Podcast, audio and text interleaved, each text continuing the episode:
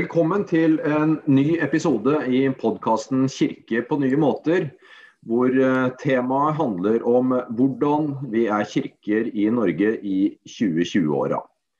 Og Med meg i dag så har jeg eh, Jon Løvland og Leif Jacobsen.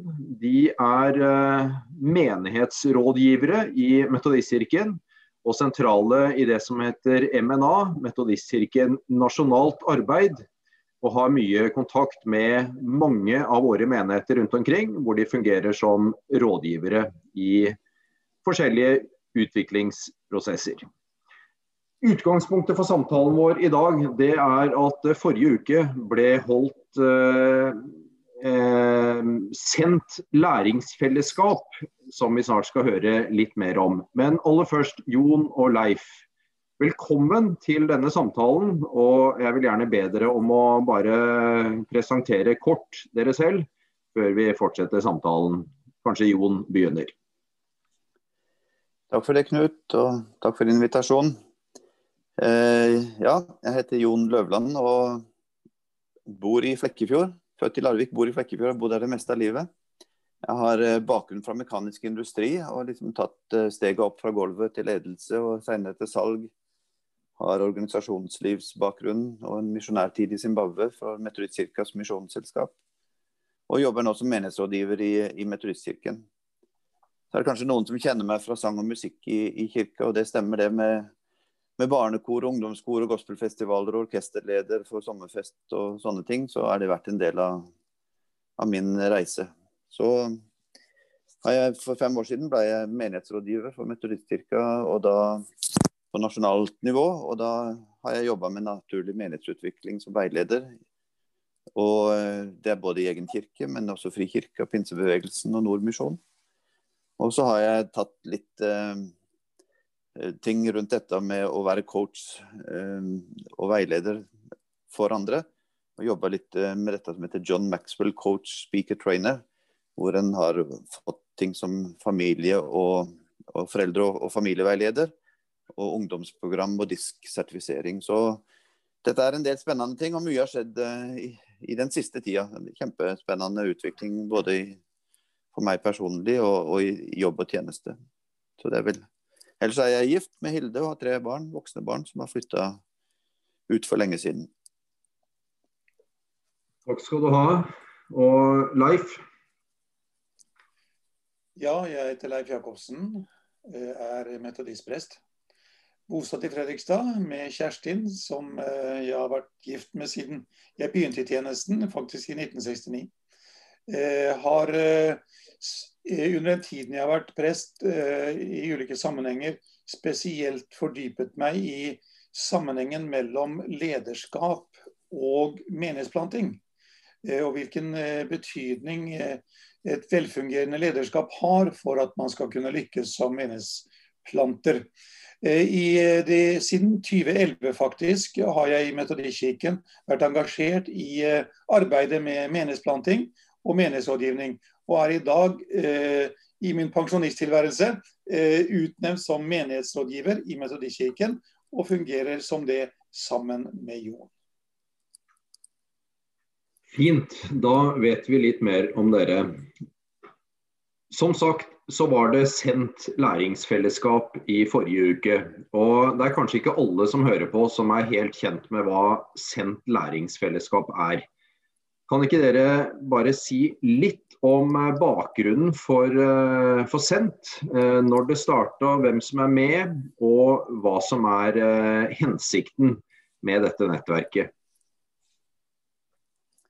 Jeg kan starte ut. Sendt ble starta i 2015 og eh, har da hatt eh, eh, til oppgave Det er et tverrkirkelig nettverk hvor de aller fleste frikirker og også misjonsorganisasjoner innenfor Den norske kirke er med.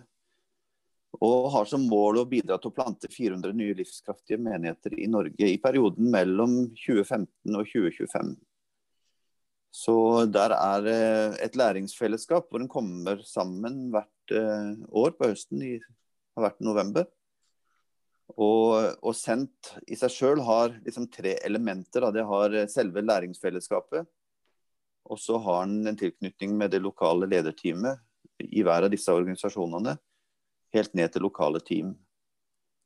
Og I tillegg så jobber sendt litt med undersøkelser. De har gjort forskjellige typer undersøkelser, nærmest slags markedsundersøkelse, for å få litt innblikk i dette med planting i Norge. Nå, nå pågår det en, en ny undersøkelse akkurat nå som har et geografisk tilsnitt om hvor er det menigheter, og hvor har det vært planta de siste 15 år. Og kan synliggjøre et, et, geografisk snitt for hvor det er behovene i framtida. Så det er en spennende undersøkelse som foregår nå.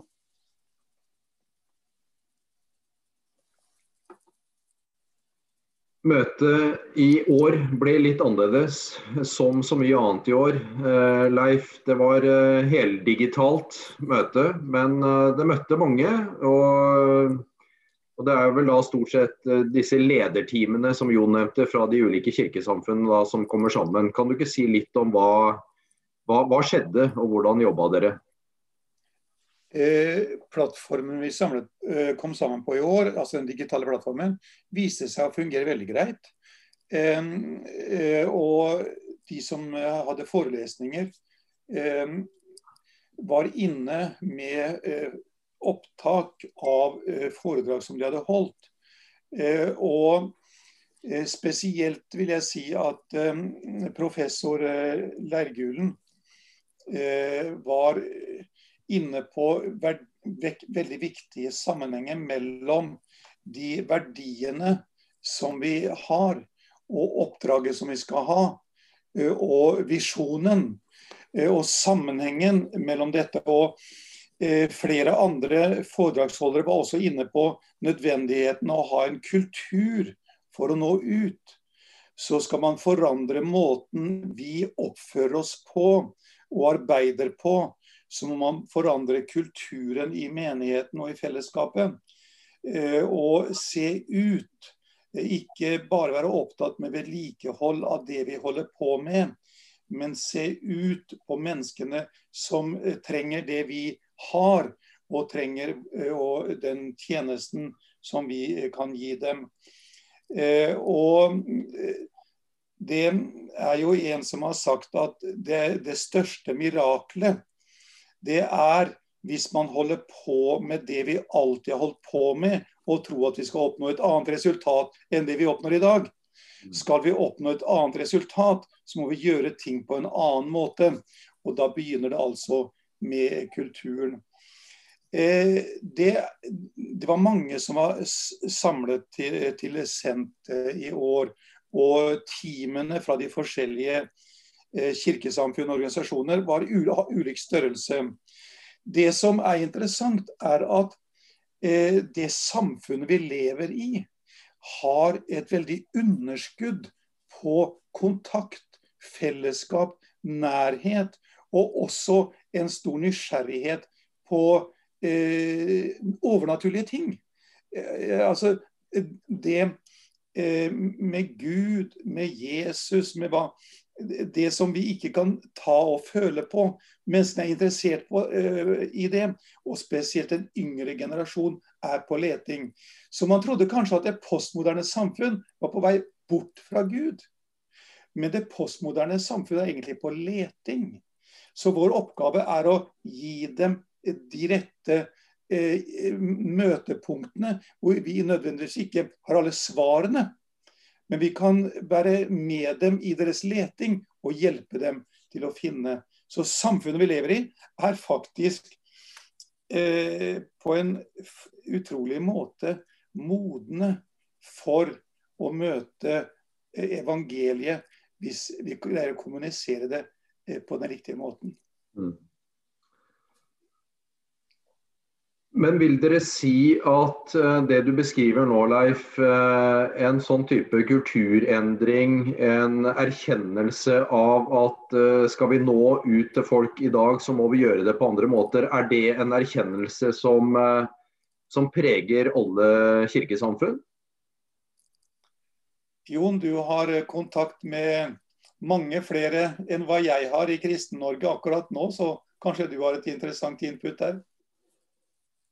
Jeg vil jo si at, uh, at det er en uh, de, ja, Av de jeg har, da, det er jo det er ikke så bredt, men innenfor det er jo innenfor pinsebevegelsen, Nordmisjonen, Frikirka og Metodistkirka, så, så, er det nok en erkjennelse av at det vi har holdt på med, det, det, det, det, funker ikke på en måte å bare gjøre mer av det samme. Det vanskelige som vi har opplevd i Metodistkirka, og som også de andre syns å, å være ganske en, en gjenganger, er jo at vi planlegger en masse ting og ønsker en masse ting, men det, det stopper ofte opp på implementeringen eh, og, og, viljen til å gjøre noe, noe, nytt. Og Det er vel kanskje litt sånn at det er lederne med de store visjoner og drømmer og, og, tanker som sitter gjerne ofte og planlegger, og så skal det tas ned i, i handling og gjennomføring, og så opplever en at eh, nei, det, det, tok ikke helt av, eller var vanskelig å, å for, for, for endring, det er jo forandring er jo ikke noe vi higer etter. Eh, eh, I, I, hvert fall ikke i menighetssammenheng. Så, men det, en, en apropos der, så, så, var det veldig interessant å se hvordan vår egen kirke reagerte til eh, ved begynnelsen av, av koronautbruddet. Hvor vi Det var ingen, ingen, del av en strategi om å gå digitalt, f.eks., men hvor så mange mennesker snudde seg rundt og gjorde ting helt annerledes. Så så det tegner jo et bilde av at eh, endring og nye eh, måter å gjøre ting på er mulig. Eh, det er bare så dramatisk at det skal sånne hendelser til at vi lærer om det. Mm. Og så har vi jo sett i ettertid at kanskje varigheten, eller vi var litt raske tilbake igjen i, i gamle spor når, når, vi fikk lov til å, å åpne opp igjen. Så, men jeg, jeg, tenker det er ikke det store poenget at vi gikk tilbake igjen. Men det store poenget for meg var at det skapte en slags optimisme og mulighetstenkning at wow, dette vi klarer faktisk å snu oss rundt og gjøre noe annet. Litt når vi må, men, men, det tegner et bilde om at det er mulig å gjøre noe. Eh, men erkjennelsen er nok den samme rundt eh, til spørsmålet ditt. At, at måten ting har vært gjort på, det trengs nye metoder og trengs nye eh, innspill. Og kanskje også litt i parallell med det som har vært.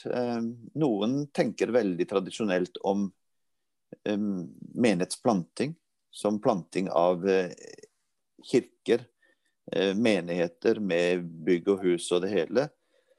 Og det har vi sett noen eksempler på, spesielt i pinsebevegelsen. Har hatt veldig friske fraspark de siste åra og vært en, en, en foregangskirke akkurat der på at det gamle også, eh, den måten det har vært gjort tidligere på, også fungerer i dag. Men de må være veldig gode på det.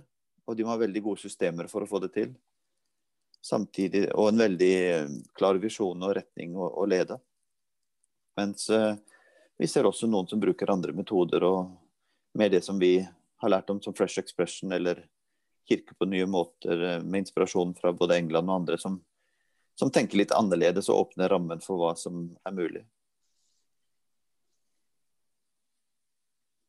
Hvis vi da skal gå over til å snakke litt om, uh, om Metodistkirken, da. Uh, dere har kontakt med mange, mange menigheter. og uh, Noe av hensikten i utgangspunktet det var jo å få menigheter inn i prosesser der man tenker gjennom hvordan man er som kirke, hva man prioriterer. kanskje få fram andre måter å tenke det å være kirke på. Hva vil dere si liksom er, eh, er, statusen uh, for menighetsrådgivning i Metodistkirken akkurat nå? Vi uh, er vel der at vi evaluerer. Vi har holdt på med menighetsrådgivning helt direkte i et antall år, en, fire år kanskje. Før det er det flere menigheter som har Eh, vært engasjert i NAMU og tatt eh, menighetsprofiler. Så eh, vi er der nå at vi har tatt en liten fot i bakken og spør både oss selv og de menighetene som vi arbeider med, hva har vi oppnådd, hva kunne vi gjort bedre, osv. Hvis jeg kan få ta et lite steg tilbake, det var en tid Metodistkirken hadde en utrolig kontaktflate gjennom misjonene. Enhver menighet med respekt for seg selv hadde jo misjonsarbeid. Mm. Og Eh, vi hadde jo selvfølgelig gudstjenesten, men det som skjedde i misjonene, ga våre menigheter en kontaktflate som var mye, mye større enn det nominelle medlemstallet og også eh, gudstjenesteframmøtet. Og så har mange ting endret seg i samfunnet, ikke minst måten vi har kommunikasjon på og beveger oss. Det er lettere å samles på et visst punkt. Eh, Eh, de som hadde behov for misjonsarbeidet, eller misjonene, de er nå på jobb, det er kvinner. Men, men vi mistet noe der eh, som vi må finne tilbake. Altså en, en kontaktflate. At, me, at menighetene igjen vender seg ut mot samfunnet og finner de møtepunktene, oppdager de møtepunktene hvor vi kan treffe mennesker og betjene de. Men jeg vil si at akkurat nå, med de menighetene vi eh, rådgir, så spør vi oss selv eh, hva har vi lært, hva kan vi gjøre bedre? Og da er det tre ting som vi eh, har lært av eh, dette arbeidet. Og det ene var at eh, man la planer. Eh, vi, vi, hadde et prosjekt gående over en viss tid, borti et år, hvor vi laget en handlingsplan. Men så Eh, tenkte vi kanskje at når handlingsplanen var laget, så var jobben gjort. Men eh, vi, vi, har etter hvert skjønt at det å tenke utadrettet, det å tenke strategisk planlegging, det er en ny måte å tenke menighet på. Det er ikke bare eh, å utarbeide et program, og så er vi ferdig. Men det er en ny måte å tenke menighet på. Så er det noe vi har skjønt, tror jeg, eh, eh, så er det Vi må gjøre ting på en ny måte. Eh, Rethink Church var det noe som het i Metodistkirken for noen år siden. Og jeg tror rett og slett at det er snakk om å tenke kirker, det å være kirker. Hva innebærer det i dagens samfunn? For Og Eh, selv om jeg nå er i eh, eh, pensjonsalderen, så er det ingen pensjonsalder i Guds rike. Og heller ikke for vanlige menighetsmedlemmer. Det å være med og tenke nytt når det gjelder menigheter. Hvordan kan vi nå ut og treffe mennesker? Eh, det er vi opptatt av. Eh, og som eh, jeg sa til Jon her for en tid siden, noe av det største som skjer i Metodistkirken, er at vi nå har fått på plass et nasjonalt team med ledere, pastorer, yngre mennesker som snakker på en ny måte og tenker på en ny måte. Og jeg er optimist på Metodistkirkens vegne at det skal føre til en kulturendring. Mm. Du, du, er inne på noe av uh, suksesskriteriene. Dette med liksom uh, at vi ikke kan tro at når handlingsplanen er laga, så er jobben gjort. Og dere har vel også vært inne på dette med liksom uh, ja, en veldig tydelig forankring lokalt, f.eks. At man har tydelige ansvarlige for å liksom gjennomføre disse prosessene osv. Eh, er det dette som nå er mye fokus i, i, det som dere holder på med? Jeg tror jeg kan svare på det at den, når, når, vi har gått gjennom nå og tatt den foten i bakken og sett litt tilbake, så har vi jo sett at uh, det er utrolig hvor mange ting små menigheter med relativt få ressurser, både økonomisk og personmessig, uh, ønsker å gjennomføre. Ønskene er ganske mange, og prioriteringene er, er lange og vi har vel sett mer og mer ettersom tiden har gått, at vi har hatt behov for å, å begrense eh, Hjelpe i hvert fall menigheten til å begrense på en måte de aktive tiltakene de holder på med. Prøve å, å spisse. Så, så, er det jo ikke sånn at vi ønsker at menighetene skal gjøre mindre fordi at det er mindre som er behov. Men kanskje mer at de bør fokusere på noen områder for å tatt noen ting av gangen, sånn at de kommer videre. For en sånn handlingsplan kan fort bli litt sånn overveldende når de sitter igjen med en lang liste med ting som skal gjøres. Og, og, og tankene blir jo ofte at det blir tenkt på som en liste om noe som skal gjøres, mer enn måten vi gjør det på. Mm. Og, og bruker det aktivt som et verktøy. Så, så, vi har hatt den runden med de. Og så det som du også nevner da med, med dette med forankring. Eh, vi har sett og der tror jeg vi har lært mye bra fra NAMU. NAMU har ofte etablert en eh, NAMU-gruppe. En egen prosjektgruppe som jobber med menighetsutvikling på hvert sted. Og det har vi oppmuntra til. Selvfølgelig I vår sammenheng så er det jo menighetsrådet som er eh, de som er ansvarlige for dette, men at de setter ned en, en egen gruppe og har en prosesseier som har tid og kapasitet til å følge det opp eh, internt. Og så at vi da kan veilede og bistå både prosesseier og den gruppa, eh, sånn at de kommer seg videre. Mm. Mm. Og Der passer det kanskje å smette inn at, eh, at, nå er dere i en situasjon hvor dere har kapasitet til å gjenoppta kontakt med enda flere menigheter enn de som er ak veldig aktivt inne nå. Er ikke det riktig? Jo da, det, det er riktig. Det er jo noen som, som, har fått en naturlig stopp og ligger litt lavt i intensiteten nå pga. situasjonen vi er i. Mm. Og det er jo veldig forskjellig hvordan vi reagerer i den situasjonen. Det er noen person, persontype reaksjoner det hvor, hvor, noen av oss har nok med det som dagligdagse Eh, er og tar oss i gjennom livet. Mm. Og andre er eh, sånn som gjør at en sånn pause eller en sånn en liten stopp som kommer, tenker vi er en mulighet til å virkelig ta noen grep nå og jobbe med både ledelse og utvikling. Mm. Eh, erfaringen der er veldig forskjellig. Noen er der, og noen, noen, må rett og slett bare ta en liten pause og ta vare på seg selv, ta vare på familien og menigheten og holde ting sammen. Og det er helt forståelig. Men, men vi har absolutt kapasitet til å følge opp eh, både nye som ønsker å ta noen steg, og jeg tenker også de som har vært gjennom dette og jobba nå i fire år. Vi har ofte sagt at en sånn fin syklus er en fireårssyklus, og det er tid egentlig nå. Nå har vi erfaring, vi har allerede noen planer. Vi har eh, for mange menighetene både oppdrag, visjon og retning klar.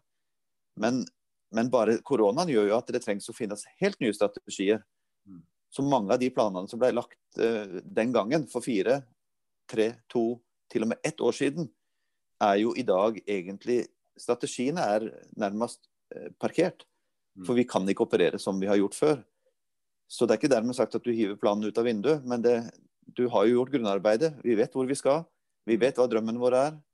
Men vi må finne nye strategier i den tiden vi er i. Så, så det å sette seg ned nå sammen med menighetsrådgivere og og det lokale teamet og, og spare nå. Hva nå? Fordi at vi trenger faktisk å tenke veldig kreativt og nytt uh, i denne tida og finne nye strategier som passer med, med situasjonen. Sånn vil det alltid være. Mm. Vel, vi har vært inne på korona et par ganger nå. Jeg tenker litt sånn at uh, Det er jo skapt, som du også er inne på, Leif, et sånn type momentum nå uh, som gjør at vi kanskje på en annen måte enn tidligere skjønner at vi, her må vi liksom tenke nytt. Og, og, også dette med at vi liksom faktisk har fått noen opplevelser av at vi klarer det når vi blir tvunget til det. Jeg syns jo at, at, vi har grunn til å være ganske fornøyde med hvordan vi har respondert i denne situasjonen. Og at vi faktisk har sett at det går an å gjøre ting på nye måter når vi må.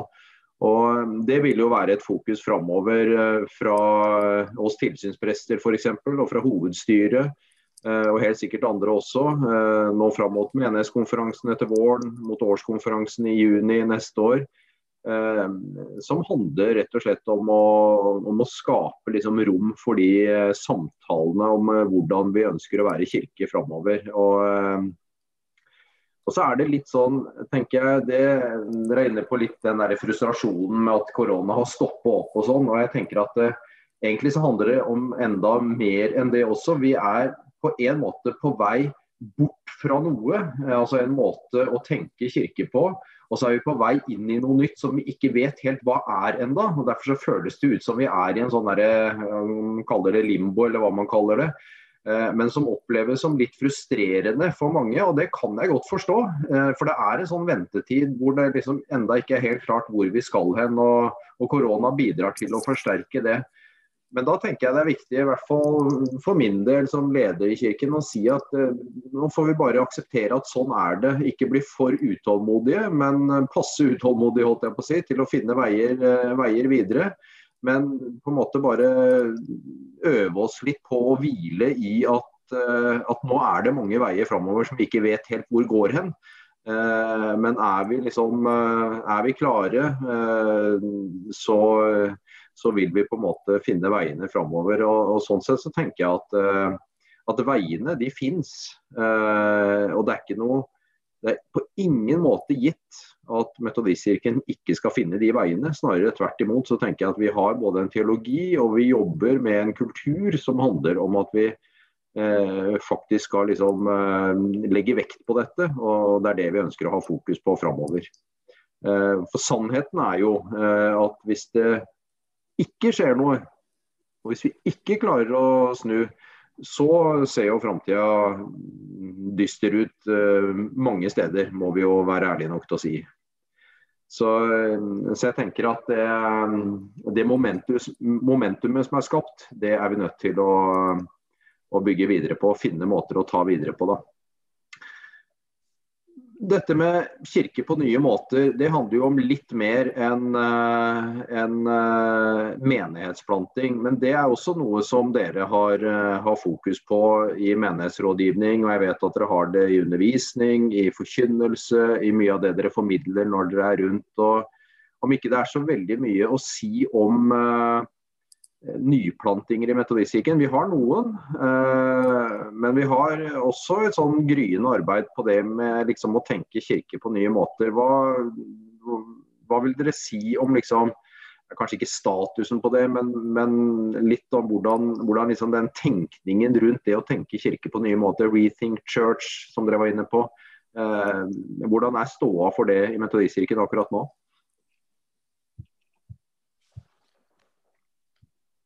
Det skjer en del eh, i eh, flere steder. Bl.a. Eh, i Oslo eh, er det et eh, initiativ eh, som handler om arbeidet blant studenter og nå ut. som kanskje ikke kommer til å resultere i en nyplanting av en menighet i tradisjonell forstand, men det er en, en en eh, kontaktflate som etableres mot mennesker som vanligvis ikke går i kirker og bedehus. Eh, oppe i nord er det eh, initiativ som skjer. Samarbeidet mellom Metodistkirken og Kirkens Bymisjon har jo lenge hatt et, noe i seg av å gjøre kirker på en annen måte Eh, og også da komme i kontakt med andre mennesker. Eh, jeg tror at eh, nøkkelen er at det i Metodistkirken finnes mulighetstenkere som ikke sitter og venter på at ting skal skje, men som får ting til å skje. Og i den sammenhengen er det jo utrolig nyttig og godt at vi har kontakt med eh, andre kirkesamfunn. In, innenfor SENT er det jo veldig mange initiativ som vi kan lære av. Eh, så, eh, men, men det, det, viktigste, som du også var inne på, Knut, det som har skjedd under koronatiden, fortalte dere i vår kirke er det en del mulighetstenkere. Og det som du også nevnte, man, som Jon nevnte, man trenger ikke være en stor menighet med mye ressurser. Det trenger faktisk bare ett menneske med initiativ som, som eh, starter noe. Eh, jeg var jo noen år pastor eller prest i Sentralkirken i Bergen. Der hadde vi en kafé på gateplan som ikke eh, var en del av menigheten, men som var et sted hvor mennesker kunne komme inn og eh, snakke med troende. Den, den, men, den kafeen leies nå av en kunstner, en, en, en, kvinnelig kunstner. Både hun og mannen er medlemmer i Sentralkirken i Bergen. Hun har atelier i det lokalet som ligger der på Vetlistadmenningen. Og hun fikk et kall for mange år siden å male lyset. Mm. Og Hun har malerier som er utstilt der, som tiltrekker seg mennesker. For det er jo både kinesere og japanere og hva det er, som går der opp til Fløibanen. Og som går forbi galleriet hennes. Og som blir dratt av maleriene inn i der, der hvor hun sitter. Og hun vitner for dem. Hun forteller dem eh, om, om, eh, sin tro og om eh, evangeliet. Så jeg vet ikke om man kan si at det er en kirke på en ny måte, men det er faktisk en, en forlengelse av sentralkirken i Bergen ned på gateplan, hvor mennesker gjennom kunsten blir dratt inn og får høre evangeliet. Og hun har jo også blitt valgt til å dekorere skip til kjente redere. Og hun eksporterer malerier både til eh, Kina og til eh, Japan fra et lite sted i Bergen med et medlem fra sentralkirken som har tatt gjennom kunsten lyset ned der hvor kanskje lyset trengs mest av andre. Det er én mulighet. Mm. Og Det peker vel på noe av det som eh, også er utfordringene tenker jeg, som vi møter i dette med kirke på nye måter, som ikke Eh, kanskje ikke primært handler om å, liksom, å få folk inn i kirken, i hvert fall ikke i første omgang. Og primært ikke liksom å eh, på en måte utbre en lære, men at det handler om at, eh, at, vi som tilhører kirken må bli flinkere til å gå ut og engasjere oss i samtaler og sånn der, der, vi er. Og, og dette med liksom sånn disippeltenkning osv. Så, videre. så sånn sett så tenker jeg det er en del av dette liksom, skiftet i hvordan vi tenker at kirke er, da, som er, eh, er utrolig spennende. Jon? Ja, jeg, jeg, tenker, jeg, tenker, litt sånn eh, Det skjedde noe for uh, bare et par somre siden hvor de som jobber med sommerfesten og andre satte et tema for, for, for, den sommeren med en kirke uten vegger. Mm. Og jeg tenker det temaet som ble introdusert der, sammen med den fortellingen som du har holdt på med over flere år, og snakker om eh, kirke på nye måter, engasjementet ditt som ligger i det, tenker jeg er med på å, å eh, gjøre noe med, med virkelighetsoppfatningen og, og, mulighetstenkningen vår. Og, og når han Magne Suppelen ved NLA hadde et innlegg på Sendt, så snakket han om at virkelighetsoppfatningen ligger på en måte i, i bunnen og atferdsreglene, det som på en måte gjelder måten vi snakker og historiefortellinga vår i Metodistkirka, mm. vil eh, påvirke de verdiene som preger oss. Og, og, den eh, Jeg føler nesten at det er på en måte i ferd med å skje en slags ny historiefortelling.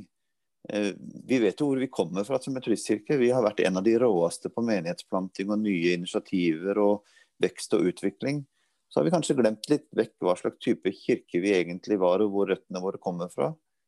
Og, og det å snakke og, og, og, jobbe med virkelighetsoppfatningen, hvor er vi henne, og bli eh, selvfølgelig realitetsorientert, men også se mulighetene og, ta tak i hvilke historier vi trenger å fortelle. Mm. Eh, og så syns jeg det var veldig fint når han eh, du hadde han Øyvind Refvik fra NMS inne på en, en podkast for en uke eller to siden.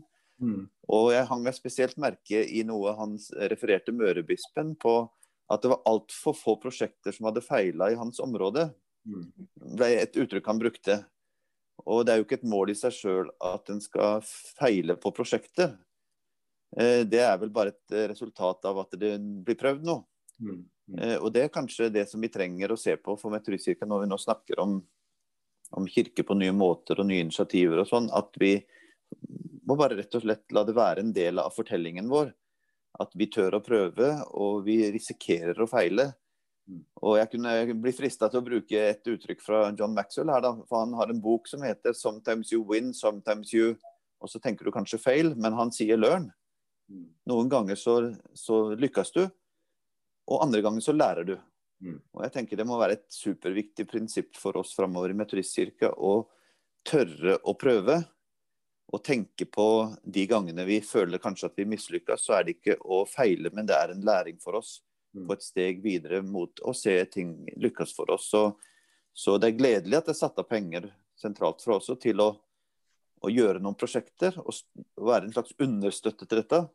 Men jeg tror det er viktig eh, på han Supelen Suppelen sitt uh, hvor det handler ikke bare om penger, men det handler om hva slags virkelighetsbeskrivelse og hvilke historier. Hva er narrativene som på en måte vi fyller oss med? Hva er det, hva er det, vi, hva er det som preger oss? Og jeg tror det er muligheter her til å tenke positivt om framtida. Mulighetstenkning om framtida. Og, og, ja, rett og slett bare begynne å tegne et, et bilde om at dette, dette nytter.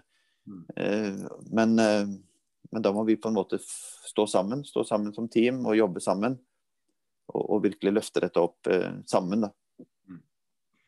Det er vel noe med Jeg tror det er utrolig viktig det dere sier om eh, hva, hva, hva for slags fortelling er det vi har om Kirken. Og, og den fortellingen har jo i veldig mange år blitt prega av at vi har vært i nedgang. ikke sant? Og alle vi som tilhører Kirken nå, har vært ledere i Kirken i perioder hvor det har vært nedgang. Og det å liksom da løfte fram, fram andre ting, at det, det, er ikke noe på en måte lovmessighet i akkurat dette. altså.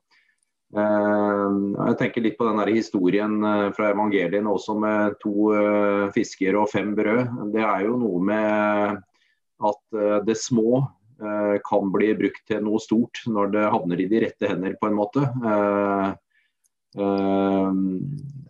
Mens vi sant, Det var noen disiplene sa til Jesus var vel det altså Vi har bare eh, to fisker og fem brød, eller var det omvendt? Jeg husker ikke helt. Men, eh, men Jesus så annerledes på det, og det må vi også hjelpe hverandre til å se. At eh, Eh, at det lille kan bli brukt til noe stort. og Komme på en måte litt sånn bort fra den der mentaliteten med at det ikke nytter og, og sånne ting. For det, vi har jo faktisk også eksempler på at, uh, at, det er ting som går bra. og Løfte fram de historiene og, og sånn. Hvis dere, Jeg syns vi har snakka om veldig mye, mye, spennende og viktig nå. og uh, Som jeg håper mange, mange, vil høre. og Dette vil jo være et fokus framover for uh, for oss alle, egentlig. Og eh, ikke minst også i, i kjølvannet av den prosessen som vi har hatt eh, på sentraltallet i kirken det siste året nå, med Metodistkirken mot 2030. Hva slags kirke ønsker vi å være? Eh, hvordan vil vi framstå? og sånn. Men hvis dere skal se litt sånn inn i glasskula, eller i hvert fall inn i framtida, om hva er deres drøm for Kirken om hvor er vi hen i 2030.